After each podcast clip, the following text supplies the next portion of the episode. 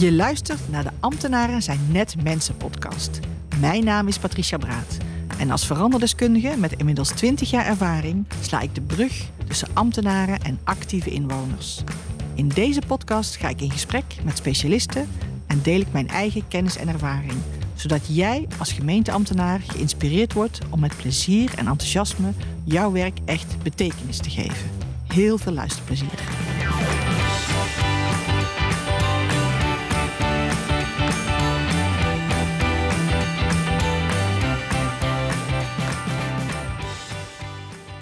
Welkom bij de podcast Ambtenaren zijn net mensen. Dit najaar wissel ik inspirerende interviews met ambtenaren af met korte podcasts over mijn eigen ervaringen met veranderprocessen. Graag deel ik mijn ervaringen, fouten en successen, want ik ben tenslotte ook net een mens. Vandaag wil ik het graag met jullie hebben over de factor tijd in veranderprocessen. Een aantal jaren geleden was ik met mijn man begonnen aan een wandeling in de omgeving van Monschau in Duitsland. We hadden allebei behoefte aan vakantie en we zijn dol op wandelen. Dus bij aankomst in het mooie Duitse plaatsje besloten we spontaan om nog een paar uur te wandelen. We hadden niets bij. Geen water, geen eten, maar we gingen ervan uit dat we na een paar uur terug zouden zijn. Dat liep anders in de praktijk. We verdwaalden en na ruim zes uur kwamen we eindelijk op een parkeerplaats net buiten het dorp uit. Ik kon geen stap meer zetten, was volledig uitgeput en mijn man ging uiteindelijk de auto ophalen in het dorp. Die avond hebben we een enorme maaltijd naar binnen gewerkt en ons voorgenomen om nooit meer zo onvoorbereid aan een wandeling te beginnen. Dit verhaal illustreert voor mij wel een beetje hoeveel veranderprocessen worden aangepakt. Er lijkt een redelijk duidelijk beeld van het gewenste resultaat te zijn. Er wordt een heldere planning aangeplakt. En dan ontstaat er ineens een obstakel die maakt dat de planning in de war wordt geschopt. Uiteindelijk duurt het hele proces een stuk langer dan wordt gedacht, soms zelfs jaren. Dat vraagt behoorlijk wat flexibiliteit van alle betrokkenen.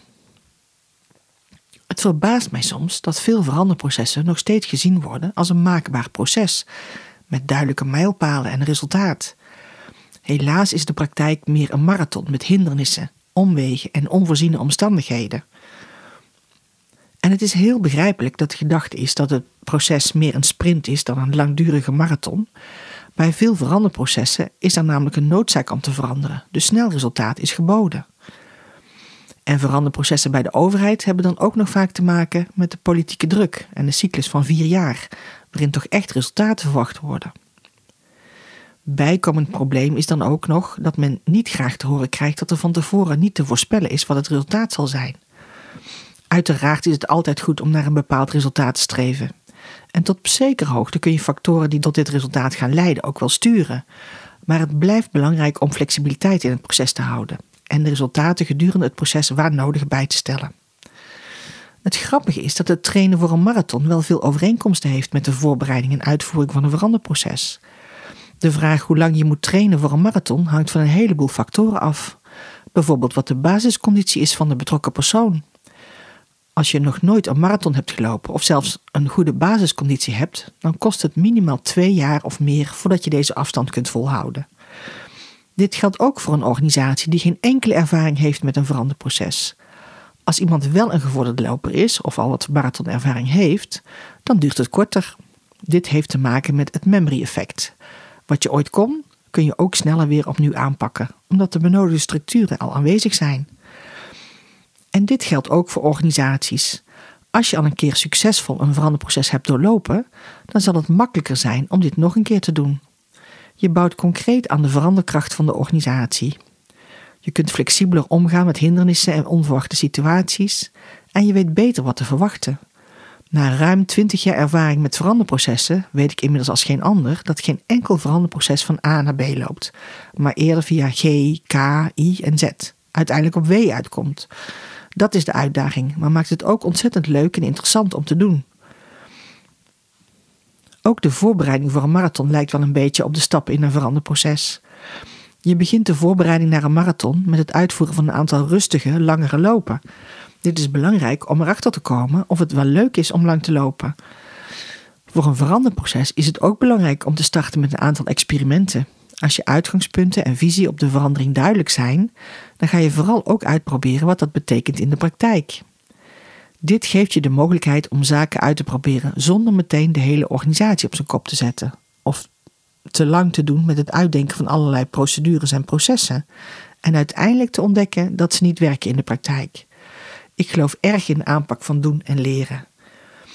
In de voorbereiding bij een marathon is het ook belangrijk om erachter te komen hoe belastbaar je bent en hoe het lichaam reageert naar meer dan 25 kilometer. En dit geldt ook voor een organisatie. Aan de hand van de kaders onderzoek je wat organisatie of andere belanghebbenden nodig hebben om de verandering succesvol te laten verlopen. Is er training of coaching nodig? Moeten er andere middelen beschikbaar gemaakt worden? Moet het werving- en selectiebeleid van de organisatie aangepast worden? En moeten we mogelijk afscheid nemen van een aantal mensen? Bij de voorbereiding van een marathon ga je de belastbaarheid in fasen opvoeren. Je doet ervaring op met marathontraining, het herstel na duurlopen, voeding, etc. Bij een veranderproces begin je vaak met een aantal mensen die al openstaan voor de verandering. En bij succes breid je dit verder uit in de organisatie. Ook ga je steeds meer de succesvolle experimenten borgen in de dagelijkse werkzaamheden, zodat er een duurzame verandering tot stand komt. Een degelijke voorbereiding op een marathon geeft je de mogelijkheid om alvast contacten te leggen, loopmaatjes op te zoeken, groepjes te vormen, met wie dan in het najaar de echte voorbereiding gestart wordt. Een veranderproces doe je ook nooit alleen. Er zijn altijd meerdere belanghebbenden en zelfs meerdere organisaties betrokken. De samenwerking tussen al die stakeholders goed opzetten is essentieel om succesvol de verandering te realiseren. Onderzoeken of iedereen dezelfde uitgangspunten kan onderschrijven, samen de kaders van de samenwerking bepalen en de goede gesprekken voeren over belangen, hoe samen te werken en de gezamenlijke verwachtingen is een noodzakelijk proces. Kortom, het vraagt echt een lange adem en een realistische planning om succesvol door een veranderproces te komen. En het helpt om niet meteen dat grote doel voor ogen te hebben, maar de resultaten en het proces op te knippen in fasen. Dit geeft de ruimte om na ieder traject de resultaten en successen te delen en ook te reflecteren en waar nodig aan te passen.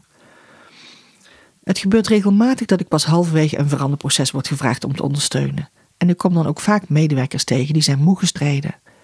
Ze hebben het gevoel dat ze al jaren bezig zijn en dat er geen enkele vooruitgang is geboekt. Dit is trouwens zelden het geval, dus ik begin altijd te inventariseren wat er eigenlijk allemaal is gebeurd en waar ze nu staan. En als ik na dat vooronderzoek dan deel wat ze allemaal al hebben bereikt, dan is men soms oprecht verbaasd dat het eigenlijk al zoveel is. Het is zo belangrijk om successen te blijven delen met elkaar en niet alleen maar door te blijven gaan. Ieder veranderproces is gebaakt bij momenten van vertragen en reflecteren. Dus blijf niet doorsprinten, maar realiseer je dat er nog een lange weg te gaan is en vertraag af en toe. Maar zorg er vooral voor dat je plezier blijft behouden. Ik wens jullie nog vele mooie marathons in het verschiet. Bedankt voor het luisteren en tot de volgende podcast. Dit was weer een aflevering van de podcast Ambtenaren zijn net mensen. Heel erg bedankt voor het luisteren. Je kunt je abonneren op de podcast via je favoriete podcast-app, zoals bijvoorbeeld Apple Podcast of Spotify. Was het een interessante aflevering voor je? Laat dan een review achter op iTunes of deel de podcast met een collega. Heb je vragen naar aanleiding van de podcast? Neem dan gerust contact met mij op. Tot de volgende podcastaflevering.